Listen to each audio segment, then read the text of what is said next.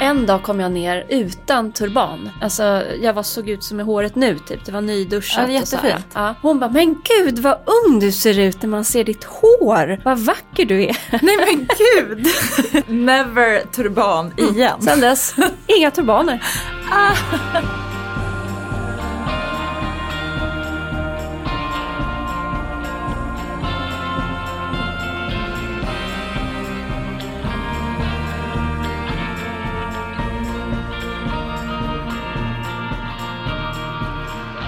Hej Elin. Hej Kattis. Du är i Italien. Ja, Ja. äntligen. Jag måste ju säga att sen jag började följa dig på Instagram har jag drömt om den där lägenheten ni har. Är det så? Det ser så otroligt, det är liksom så filmiskt. Ja, men det är ju det i Italien. Det är ganska lätt att det blir filmiskt och kulisser fast det är på riktigt. Ja, det, det vill man ju ha i sitt liv känner jag. Ja, det är varmt också. Men eh, kan inte du berätta lite grann om vart, vart befinner du dig? Just nu så är det eh, förmiddag här i Italien. Eh, vi har en lägenhet i lilla Bordighera som ligger i Ligurien. Eh, vi flyger hit, eller nu har vi åkt ner med bil, men annars så flyger vi till Nice. Det ligger Mm, precis... För Ligurien är liksom typ den it- norra italienska delen närmast franska rivieran. Exakt. Ja, Så den övergår, franska rivieran som är så känd övergår italienska rivieran. ja. Kallades för Riviera dei Fiori. För att det var blommornas riviera. De hade en enorm... Gud, ja, det låter underbart. Det är bara växthus överallt. Fast- Är det Lom, eh, Nej Ligurien? Ja. Är Lombardiet i Ligurien? Nej. Eh, sånt här måste jag kunna svara på direkt. Nu ska jag se. Det är, det alltså det är inte i Lombardiet, det är ett annat, eh, en annan region mellan Alperna och ner till oss. Ah, Okej. Och så har vi Piemonte och sånt där. Men Ja. det här är, är ett eget område, Ligurien. Mm. Um, nej men jag sitter här i lägenheten, de andra har gått ner till strandklubben och njuter av egen tid. Ja. Med dig. Ja. jag vill veta allt. Hur, eh, hur hamnade ni i den här lägenheten? Jo men det var så att jag kör hela historien nu. Ja, jag, vill, jag, vill, jag, jag kan inte den här historien. Jag vill veta allt. Så då blir det det som blir det här avsnittet. Ja, Ja. exakt. Yes, nej men Alex och jag fyllde ju som bekant äh, jämt i år. Ja. Och då hade vi för ett gäng år sedan en idé att båda längtade till Italien. Vi har liksom det gemensamt. När jag pluggade i, var klar med studenten så var det direkt till Florens som jag drog själv.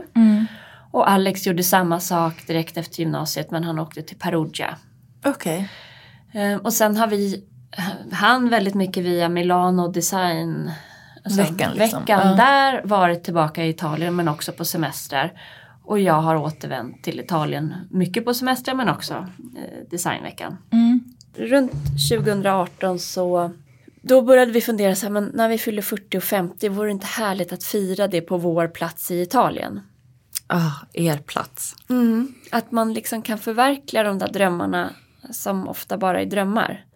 Och det här låter kanske lite konstigt men 2018 Klimatfrågan var ju jättestor då såklart. Mm. Det här var innan corona. Mm. Det var precis den sista dumma grejen ur ett miljöperspektiv man kanske kunde göra. Ja. Men eh, Vad var det? Eller liksom, vad gjorde ni? Nej, att köpa ett att hus där? köpa en lägenhet i Italien. Vi kan prata mer om det sen. Ja, det har jag lite fundering kring. Mm, förstår det. Det är som att jag är med i Uppdrag granskning nu. Ja. Nej men så då började vi reka och jag var helt inne på Toscana för att det var liksom min referenspunkt och Alex var helt inne på Piemonte. Och det Ja. här är så knäppt att vi trodde att vi kunde reka och sen vänta några år och sen kanske köpa någonting. Aha. Så blev det såklart inte. Ni började reka och sen hade ni köpt något? Jättesnabbt. Ja. Men då, Toscana hade vi båda väldigt bra koll på. Alex prioriterade inte det utan tyckte Piemonte var mer intressant. Varför, Då, varför prioriterade han inte Toscana? För det är väl liksom den allmänna dröm, den svenska drömmen om Italien på något sätt i alla fall. Ja. Tänker jag. det är lite bökigt att ta sig dit. Mm. Ofta mellanlandning, liksom högre bilje- biljettpriser om man flyger till Florens till exempel. Du har ju också Pisa och Siena som man kan flyga till. Men det är lite bökigare. Milano och Piemonte har ju liksom en given så här, ja men Design Week är ju där varje år. Han är i den branschen. Du har nära till skidåkning, Ja, och till Barolo vin. vinet. Ja, nej men att eh, ur så här flera, det var flera saker på checklistan som han tyckte checkades av med Piemonte. Så vi, eh, 2019 åkte vi ner och eh, hade några husvisningar inbokade för vi var inne på hus för att vi bodde i lägenhet då. Och då kollade vi på en sajt som heter Casa It. Okej, det här får vi lägga upp någonstans. Ja, typ som Hemnet fast för Italien. Ja, Casa.it. Ja, Ja. precis. Casa betyder hus. Ja, Who would ever know? I thought so. jo, stod det. Eh, nej men och då, då var vi inne på hus helt enkelt. Så vi, jag, jag minns där, det var, vi hade barnvakt och swishade ner en typ lång weekend och Alex hade hyrt en bil med så här cab. Så Nej. vi lyssnade på italiensk musik och åkte på husvisningar. Hade du en sån här sjal kring håret och stora solglasögon? ja, det hade jag. Det var lite kallt, alltså det var ingen annan som hade cab. Men vi hade ju det och, så det skulle vara nercabbat. Första och enda gången jag åkte cab faktiskt. Hur som helst så var vi och tittade på hus i Piemonte. Men vi hade också bokat in en visning för en ruin Ja. i Ligurien. För det jag tänker med Piemonte, jag har varit där några gånger för mina svärföräldrar, eh, de älskar den, det området. De brukar vara nära ett ställe som heter Alba i Piemonte. Och de är liksom sådana vinfantaster. Mm. Nebbiolo-fantaster. Men när vi har varit där så har jag liksom känt eh, att det är lite långt till havet. Ja, Ja. trumvirvel. Ligurien. Nej men eh, då är det så att Alex hade hört talas om via bekantas bekanta om ett område som hette Olivetta. Okej. Och det har ju vi fått koll på nu. Det, det ligger i Ligurien en bit upp från oss. Vår by heter Bordigera. Men lite mer i bergen och där finns det ganska många svenskar. Inte som på Mallis men det är många svenskar som har hittat dit. Och Usparna är nära till havet. Mm. Nära att resa dit. Om du flyger eller åker tåg eller bil så är det liksom en knytpunkt med Niss och så. Du har nära till skidåkning någon timme bort. Mm. Så det är väl det som är att det, det, det uppfyller många krav. Både, Ja. Du kan både bada, du kan vara där på vintern och åka skidor. Det är smidigt att ta sig dit. Mm. Men vi vill inte bo i bergen, vi ville vara vid hav. Alltså direkt anslutning till havet liksom, utan att behöva ta en bil eller buss ner. Okej, och det kom ni på då liksom, när ni var där? Det vi kom på då var att vi hade kollat Piemonte men saknade, precis som du säger, så här, havet. Att det kändes in, inland. Ja, verkligen. Och Toscana, havsremsan, alltså det är inget kul hav nere vid Toscana Jag tycker har jag. aldrig varit där. Nej men det, jag tycker att det är ganska, det tycker fler, det är inte, men det, att det kan vara lite sunkigt. Ja men det är Dagens ilandsproblem. Ja, ja men hela det här avsnittet är ett enda ilandsproblem. Det, det är ju så. Men eh, här i Ligurien är havet levande och fräscht liksom. Mm. Så vi hade hittat en ruin som vi var och eh, blev helt begeistrade över. Den ligger alltså i, det är så här, eh, vad heter det när man bygger, terrasseringar. Alltså Ja. hela området är terrasseringar. Gud. För att det är berg ner, det är Ja. där alla de här växthusen står som nu är öde. Men gud. Om man tittar in och så växer det vild kronärtskocka typ eller blommor. Jag dör, alltså jag får typ på riktigt rysningar i hela kroppen. Ja men det är så, det är Av- helt Typ begär. Ja, men det är ju att blomproduktion, de blev bättre på att göra mer effektiv producering av blommor eller odling i Holland. Så det flyttade liksom dit. Mhm. Ehm, så eh, det var en kris i italienska ekonomin, i alla fall i den regionen. Men, Ja. Ehm, det är terrasseringar, vi hade hittat en ruin därför att det finns inte så mycket gamla hus, alltså så här Toscana, Piemonte, villor där. Därför att man byggde inte så längs med kusten på 1700-1800-talet därför att du byggde bergs, antingen en by för att kunna Ja. skydda dig mot anfall. Och så att så hus, gamla gårdar som står längs med kusten, det finns inte. Nej. Ehm, Men däremot, vi hittade den här ruinen. Eh, och då låter det som att det typ var ett, slott eller något. Men det var alltså, det kallas una ruina, alltså det var att det är förfallet. Mm. Men det var en magisk tomt med så citronträd, kronärtskocka, olivlund Ja. med havsutsikt. Nej. Jo, ja, men det var magiskt. Och vi budade såklart. Ja. Förlora budgivningen. Eller det, i Italien är det inte som i Sverige med budgivning utan säljaren den kan använda flera mäklare. Ja, jag har förstått det här. Vilket det är likadant i Frankrike, liksom på andra, alltså den i, i Provence. Precis, så att man är inte lojal med en mäklare utan den som jobbar hårdast och säljer det får, får pengen, liksom, mäklararvodet. Ja. Och sen som köpare så lägger du då ett bud, antingen det som liksom den här tomten eller lägenheten ligger ute för. Ja. Eller så över eller under. Jag- vet inte om någon lägger över det mäklaren. Eller Det, det känns eh, liksom ostrategiskt. Gör inte det. Nej, men vi la lite under. För att det var det vi hade råd med. Och säljaren sa nej. Och jag är så glad för det. Därför att vi hade alltså dels att få bygglov för sådana här ruiner tar väldigt lång tid. Det verkar fruktansvärt. Ja, och när man har hört de här historierna om att det är så svårt att köpa i Italien och Frankrike och så. Ja. Så handlar det, skulle jag gissa och med min erfarenhet, mycket mer om att bygga, ny, alltså bygga på tomter. Ja. Eh, eller bygga om eller renovera hela fastigheter. Och då har jag också förstått att det är väldigt mycket, för att jag har ju ehm, några grannar som också har köpt hus där nere i krokarna. Jag vet, de har jag träffat. ja, jag vet. Det är så roligt. Eh, Men de var ju runt och tittade på jättemycket och då måste man också titta jättenoga på liksom ritningarna så att de stämmer med huset. För det är jättemycket svartbyggen och då kan man vara tvungen att behöva återställa det och sådär. Exakt. Typ så här, nej men det finns inga fönster på det här huset. I det här sig. rummet. Eh, Precis, i originalritningarna och då liksom, ja det verkar som att det kan bli väldigt eh, komplicerat. Ja men de var ju med om en sån grej. Det här är Ja. alltså ett par, vi satt här nere på vår favorit, en av våra favoritrestauranger, strandklubbar, Karanka. Och, och snackade, hade en sån här äh, seg, eller ganska irriterad dag. Barnen var gnälliga, man vill liksom inte att någon ska höra vad man säger på svenska. Men då var det ett par där som, jag direkt bara, de är svenskar. Det är så konstigt att man bara ser det Ja, direkt. ja, ja, man blir expert. Alltså när jag bodde i New York, jag kunde liksom differentiera mellan så här norrmän, Ja. svenskar och danskar. Ja. Det skulle vara intressant att djupdyka i någon gång. Men det är Ja. inte det här avsnittet. Nej. Men då visade det sig att det sen var grannar till dig. Ja, Som nu har köpt något där nere. en ruina. Ja. Utan fönster. Ja, Den verkar ha fönster och mycket kringelikrokgångar. Det ser, Och valv. jag, jag fick Ja. se bilder, vi har liksom lite kontakt. Det, det blir ju sådär att man, man krokar arm med de andra svenskar ändå för att dra lärdomar liksom. Mm.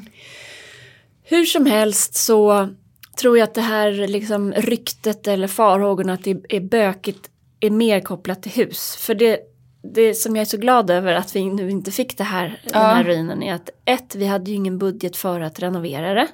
Nej, det kan säkert Det är så puckat jag att köpa en tomt. en del. Ja. Det är också så att vi är så lustdrivna. Ehm, så vi hade stått med en ruin alltså i flera år och väntat på bygglov och typ få ställa upp en liksom, husvagn där kanske. Ja. Men så då, då hade vi ju med den där reka-resan ändå kommit på vilket område vi ville bo i, Ligurien. Mm. Och sen var det ju bara att försöka hitta ett ställe där också.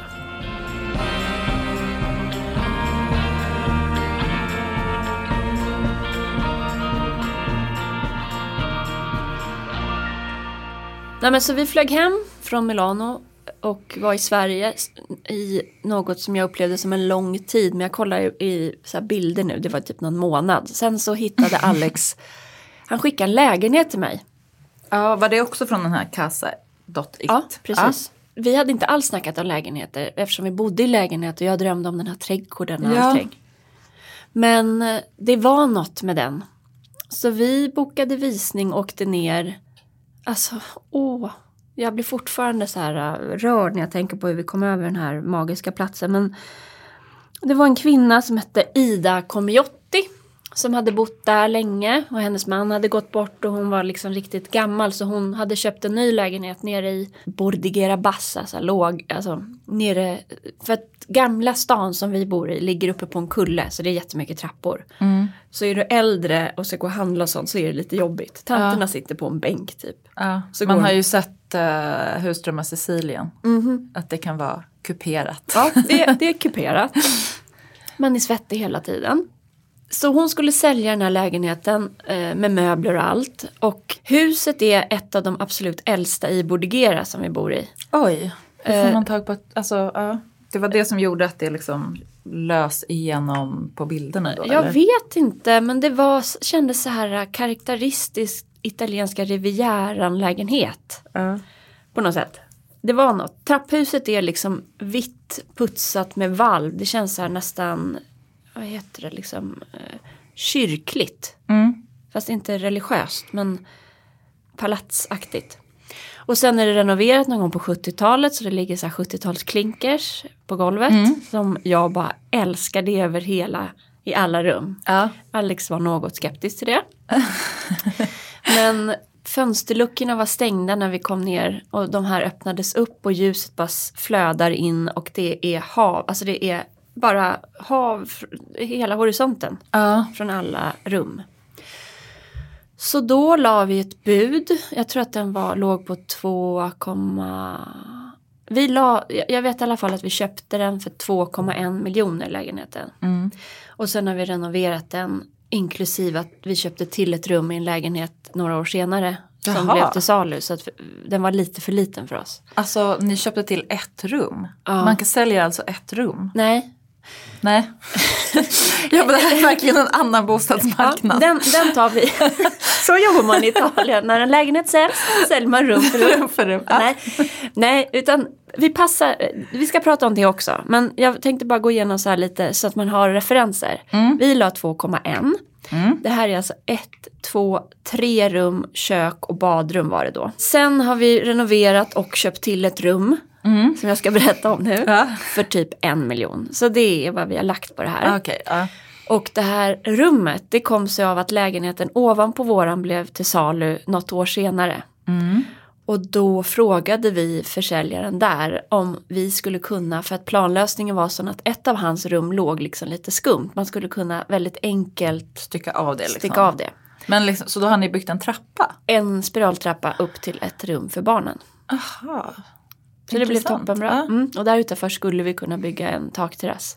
Nej men gud. Men nej, nej, inte just nu kanske då. Nej men så då firade vi, jag minns att det var så här äh, tonårstjafs hemma. Eh, så vi var, vi var ju överlyckliga att vi hade signat att eh, hon Ida gick med på det här. Och hon och jag fick jättefin relation. Hon var så nervös, hon åt så här lugnande tabletter för att kunna gå igenom den här försäljningen. Och det var Ah. liksom mycket känslor för henne, hon hade bott där typ hela sitt liv. Det var liksom både prosecco-fyr på kvällen och Ja. så här superdepp för att typ vår tonårsdotter hemma hatade oss just då. Okej. Minns jag. Det Ja. gick över. Det är det som är bra med fler barn, det är att man märker att sådana där grejer går över. Ja. Ja, nej, men så då var lägenheten vår helt enkelt. Och frågor på det? ja.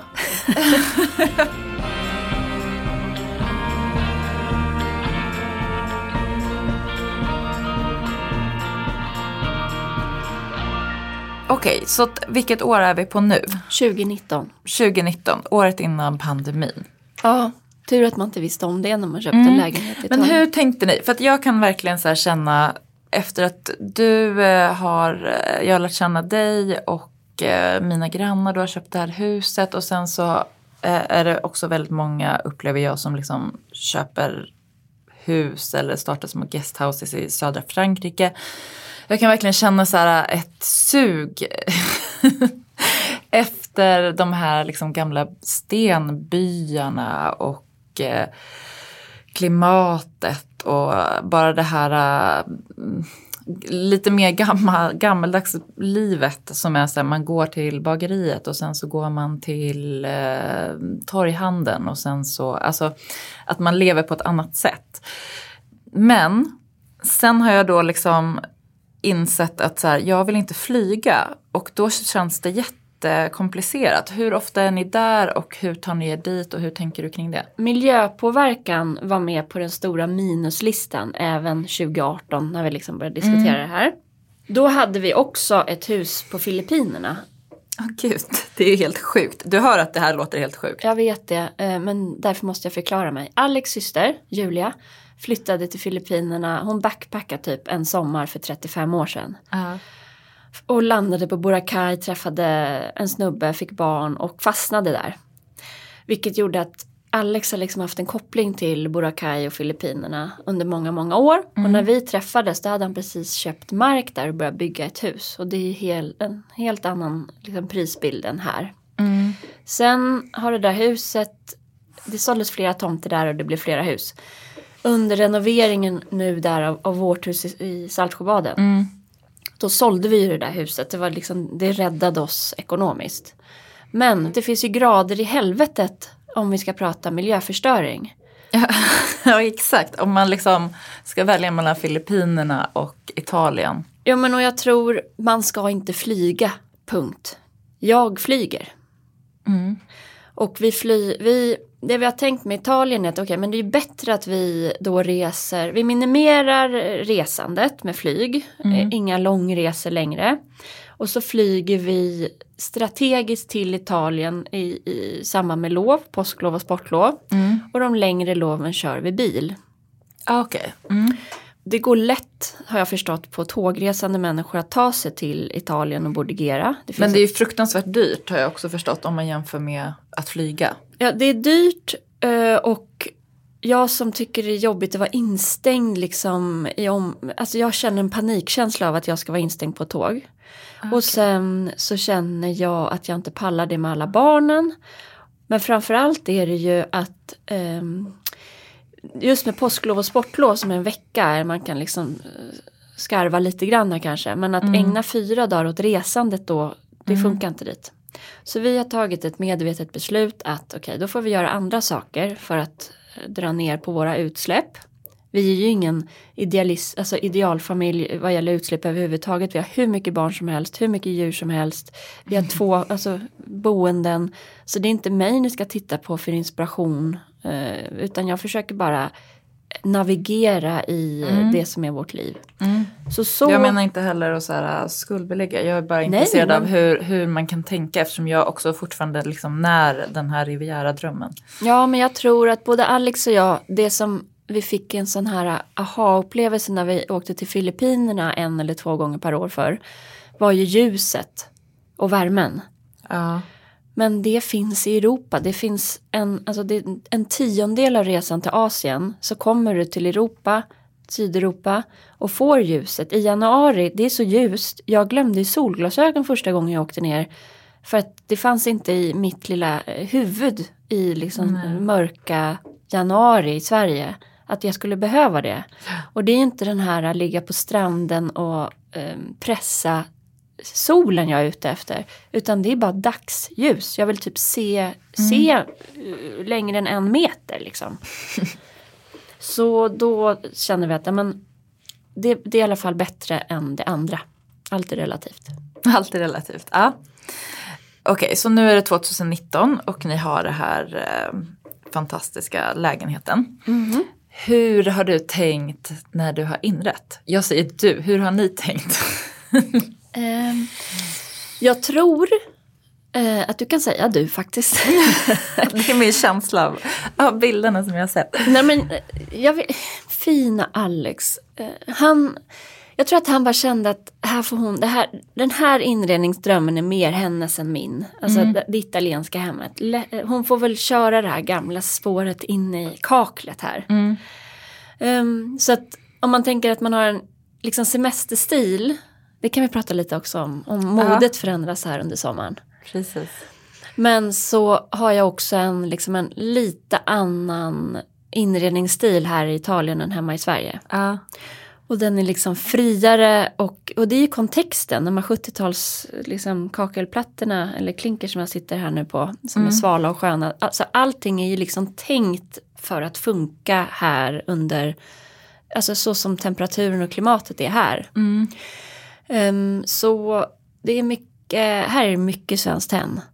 Ja, precis. Härliga gardiner som böljar i vinden och kuddar. Och, det är liksom som att det, det passar otroligt fint där tycker jag. Också med ljuset och med de klara färgerna utanför. Och jag har den här um, Italian dinner som bordsduk. Ja. Och det ser liksom ut så utanför. Ja. Förstår du? Så nej men eh, inredningsmässigt, Alex vill ju inte, alltså vi har så många sådana här renderingar på golv som han vill göra om det här ja. klinkersgolvet. Jag ska lägga upp bild så ni förstår Ja. att det inte är, det är ingen lätt bit att svälja om man inte gillar stilen. Nej, jag kan verkligen också förstå att man som du vill gå all in Ja. i det där. Nej men jag tror att det var många med bra smak som liksom gav så här, åh gud vilket golv, åh gud vilket golv.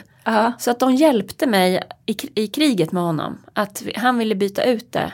Ja. Och jag tryckte på ekonomin, jag tryckte på hållbarheten, att återbruka Ja, och ja, ja. sånt där. Så det blev kvar och det är ju liksom genomgående i hela lägenheten, vilket Mm. är väldigt fint. Sen har vi sparat så här, dörrkarmar och dörrar som är liksom mörkbruna. Mm. För det är ju verkligen en skillnad, liksom Sydeuropa, Nordeuropa. Precis. Trä. Exakt. Färgerna. Och också konstruktionen. Våran mäklare. För om vi ska, jag måste bara backa lite grann. Mm. För till själva köpet eh, så var, gick allt otroligt smidigt. Och det här vet jag att många är rädda för. Ja. Men det är inte, jag kan inte uttala mig om, om husköp och husbygge i Italien mer än att jag har sett från de som har gjort det att det tar väldigt mycket tid. Men att köpa lägenhet i Italien om man har en bra mäklare som vi har som hon har, Silvia har hjälpt oss med liksom allt. Mm. Och hennes man håller på med byggprojekt och så att vi har fått hjälp med renovering och gubbar där som har Mm. hjälpt till att snickra. Vi var ju hos en notarie i San Remo Mm. och då hade vi med oss en norsktalande, And- Andrej heter han, som kunde översätta till oss. Så han fick skriva på massa papper. Gud, jag får så här lite stresspåslag, ångestpåslag av tanken. Ja, men här, det här är det momentet då som är liksom lite bök kanske. Ja. Men eh, han, han fick översätta till oss, Allt, de läste upp det. Det känns så här högtidligt, man sitter i ett rum. ja. Nu gäspar du också. Förlåt, men det är... Det är så tråkigt där. Nej. Jo, Nej. tycker du. Nej, jag sa ju att jag hade sovit jättedåligt. Ja, förlåt.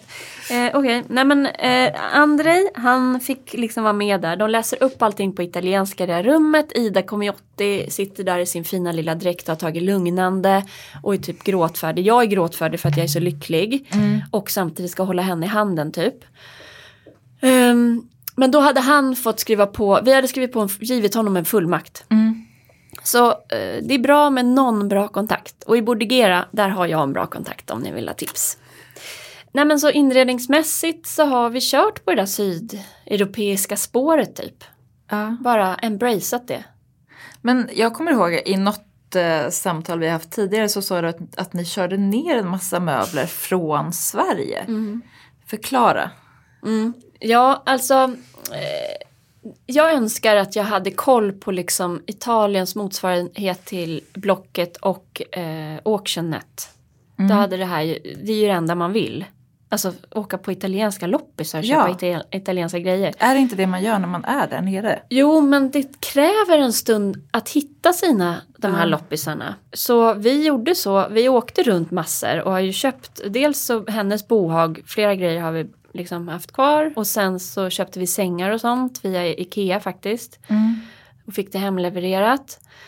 Men sen, ha, mycket av inredningsgrejerna har vi köpt på loppisar i Sverige eller mm, liksom auktioner. Mm. Och sen så, så körde vi ner, vi hade en transportfirma som körde ner våra grejer. Mm. Eh, och det var för att kunna liksom bygga upp det där hemmet så att det kunde funka ganska direkt in Ja. där på när sommaren började. Jag tänker annars att det är så här. äh, Jag har varit på ett jättehärligt litet liksom bed and breakfast i, på franska sidan. Mm. Eh, med Languedoc. Det heter La Belle Vue. Mm. Och det är en, ett jättehärligt par som heter Yvonne och Micke som har det. Och då cyklade vi, vi hade inga körkort på den tiden. Så vi, de hade liksom fixat att vi fick låna cyklar med en liten sadel till Milo som var med. Så himla gulligt. Vi cyklade över så här vinfälten för att gå på de här loppisarna. Men jag tror att det finns mer loppisar i Frankrike, eller jag vet det här. Eller antikmarknader, är ju till och Antikmarknader och loppisar Ja. finns det mer av på franska Okej. sidan. Men eh, med det sagt så varje, en gång i veckan är det ju antikmarknad nere längs med strandpromenaden. Ah, underbart. Men det är samma marknad som åker runt till alla orterna. Så Jaha, om jag sen okej. följer efter den till Då är det San samma Remo, då är det samma grejer igen. Ja. Och det är lite krim... Alltså, eh, det finns en grym, det här är mitt tips. Mm. Bottega del Usato. Om man kommer norrifrån, åker till San Remo, förbi San Remo längs med kustvägen. Då kommer man till en stor härlig loppis som en tjej som heter Vanessa har. Mm. Kan vara lite varierande utbud. Vissa gånger är det liksom bara så att man får fradga. Ja. Och andra gånger så är det inte så bra. Men den kan verkligen tipsa om. Mm. Får jag slänga in ett tips också? På den franska sidan, nu rör jag mig i Frankrike. Ja. Jag gick ju Classe Française Ja. som jag I know. Pratat tjatat om. Ehm, där finns det ett annat svenskt par som har ett ställe som heter Villa Julie. Lisa och Niklas som bara gjorde en sån här uh, spontan, de träffades, blev kära, var gravida inom typ någon månad, flyttade till Frankrike för att förverkliga sin dröm om att bygga upp det här bed and breakfastet. Och nu har de också startat någonting som heter Artis Pelis som är som en eh, antikförsäljning som man kan beställa i, eh, från Frankrike i Sverige. Ja, härligt. Och de har bland annat jättemycket så fina gamla klinkergolv. Ja, det, gillar man ju. Det gillar man ju, eller hur? Verkligen. Och eh, jag, där, när du nu pratar om din dröm. Just språket, om du har franskan. Ja, det är ju därför jag känner så här, det är bill- jag vet att det är mycket billigare på italienska sidan. Nu pratar jag, Jackie om du lyssnar på det här så känn dig inte stressad. Jag pratar som att det här ska bli så, men det behöver inte alls bli. Oh, en liten känslig. Han är så trött på mina olika drömmar, de skiftar väldigt snabbt. Ja. Nej men just eh, att kunna använda franskan känns så otroligt eh, härligt. Jag skulle vilja liksom komma in i den helt och hållet. ja, för det är det jag märker nu, nu är det 2022. Att min italienska, så som den var förr när jag var tvungen att liksom fokusera och förbereda lite meningar jag Mm. skulle säga. Nu kan jag ringa olika ställen och trycka, du vet, tryck 1, tryck 2 eller tryck 3 beroende på vad man vill. Och Ja. prata på. Italienskan flyter mycket mer nu. Gud vad härligt. Eller vilken liksom cool, cool grej. Jo men, nu, nu ska jag också vara realist. Alltså, jag läser ju inte litteratur på italienska. Det läser jag på svenska. Jag, skulle, jag vill helst inte ens läsa den på engelska. Nej. Men det jag skulle säga för dig då som har franskan att å ena sidan så borde du köra i Frankrike, Frankrike då. Ja. Men det som är härligt det här precis vid gränsen det är att franska funkar lika bra typ som italienska. Ah. Så att, Mm. Men ändå om man nu ska vara genuin, äkta, Mm. så är det kanske den franska sidan du ska kika på. Ja, precis. Jag vet inte, priserna är ju det är jättestor skillnad. Men jag tror liksom på franska sidan om man struntar i att ha, finnas där i precis vid vattnet så går det ju att hitta vackra ruckel. Precis. Men eh, byråkratin verkar lika jobbig där så att jag vet inte hur, of- hur, hur mycket man pallar med. Nej. Jag skulle tipsa om, beroende på hur man bor hemma, men också eftersom det är långt borta eh, och man inte vill ha en stor tomt eller liksom jag vet inte, jag tycker att det här som vi har kommit på med lägenheten Ja, är så optimalt för att det är noll, det finns inga, inga måste när jag är här. Typ spela tennis. Ja. Jobbigt. Eller, nej men det är bara, Nej, det och finns sen så ingenting. som du säger liksom. att ni kommer ha den där takterrassen potentiellt. Det låter ju också underbart. Ja, För jag, sommartid, då låtsas jag ju att vårt radhus i Hökis är liksom ett litet stenhus på italienska jag vet, landsbygden. det sa du ju någon gång. Typ såhär call me by your name Åh, hus. åh ja.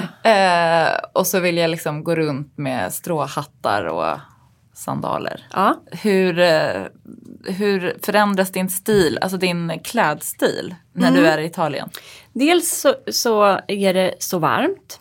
Eh, Det är nog det sista som akklimatiseras hos mig är reglaget för värme, kyla. Därför att jag är ju ofta frusen, om jag inte är igång så blir jag väldigt varm. Och eh, vår lägenhet ligger uppe i Gamla stan och så tar man liksom en liten promenad på ett par minuter ner till havet. Alltså det är så fint. Mm. Ehm, sen ska man ju ta den här promenaden upp, ofta med en barnvagn och alla de här väskorna och så. Alltså jag är så svettig när jag kommer upp. Ja. Men om vi struntar i svetten så är det ju ganska tunna tyger liksom. Ja.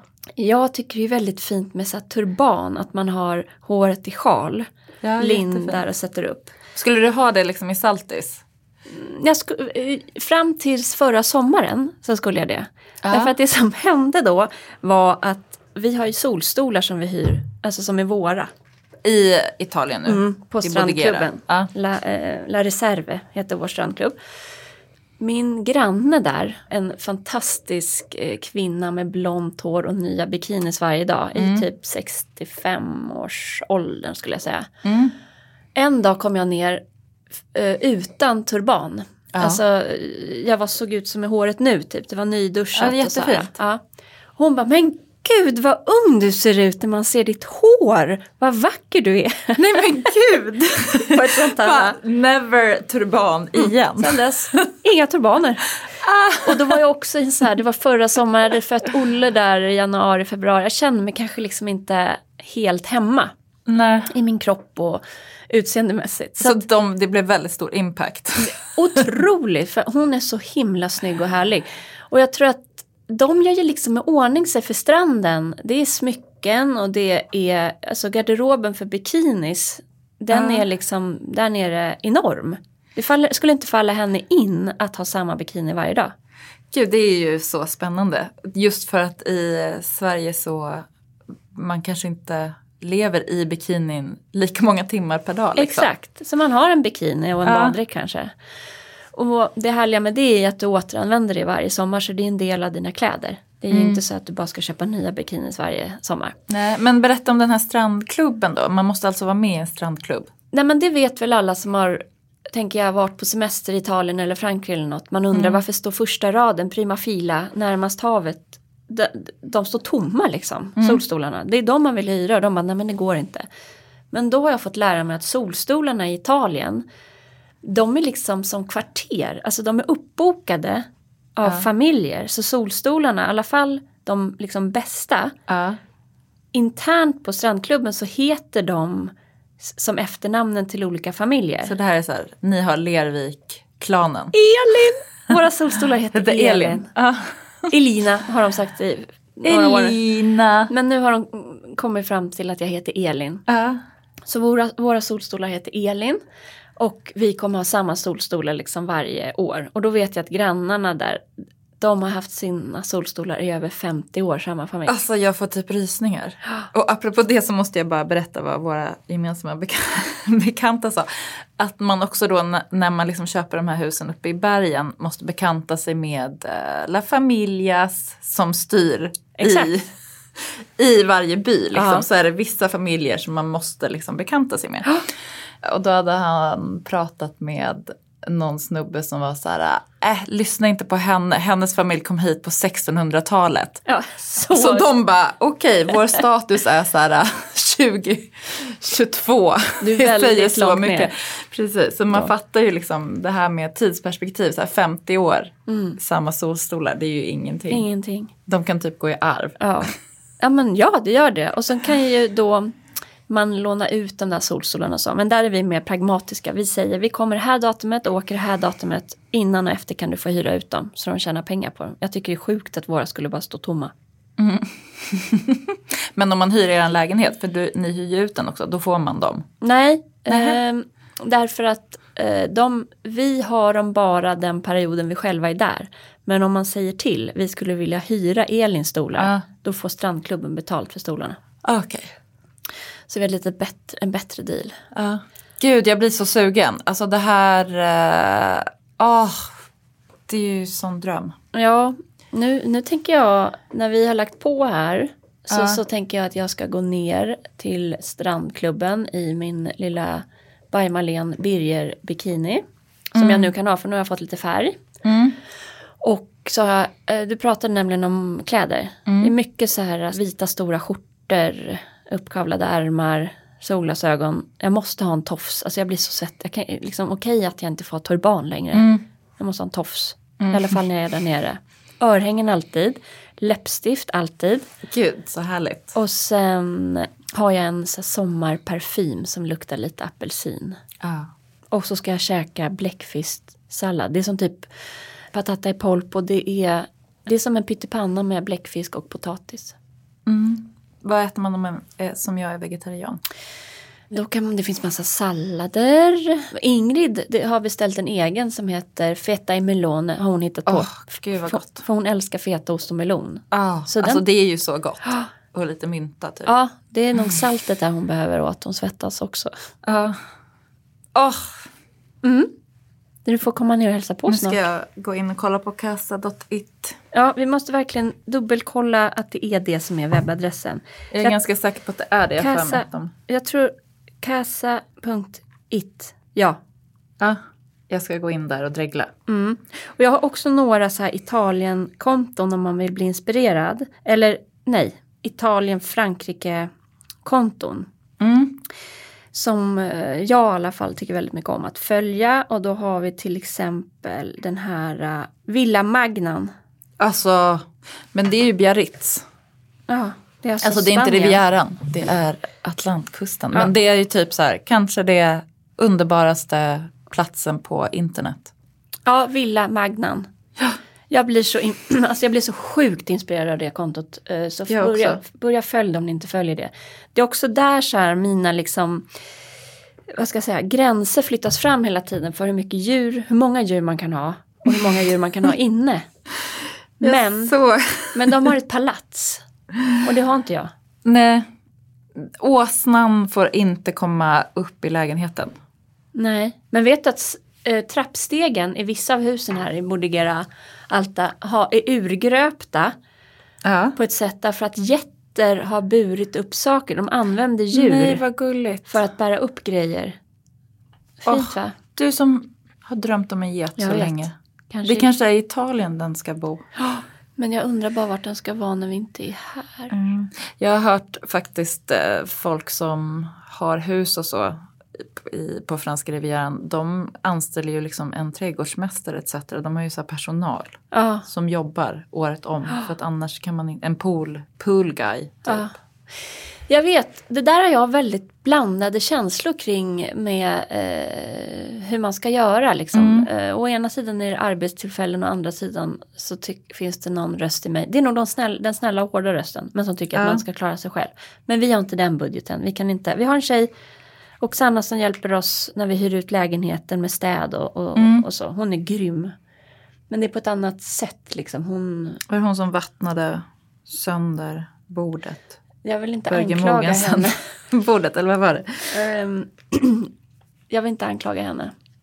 Och det var inte Bur, det var Hanna eh, eh, Wägner? Wägner, Wägner.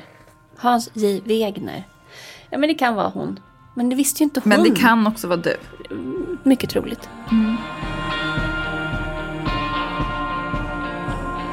Är det något liksom inredningsmässigt som du känner att du har så här, testat på eller fått leva ut som du sen har tagit med dig hem till Sverige? Har, det på, har, har den här lilla lägenheten, eller stora lägenheten, har den här lägenheten påverkat din eh, inredningsstil på ett bredare plan? Utan att jag har tänkt på det så tror jag att det kanske finns lite Italien-vibbar även i, eh, i huset.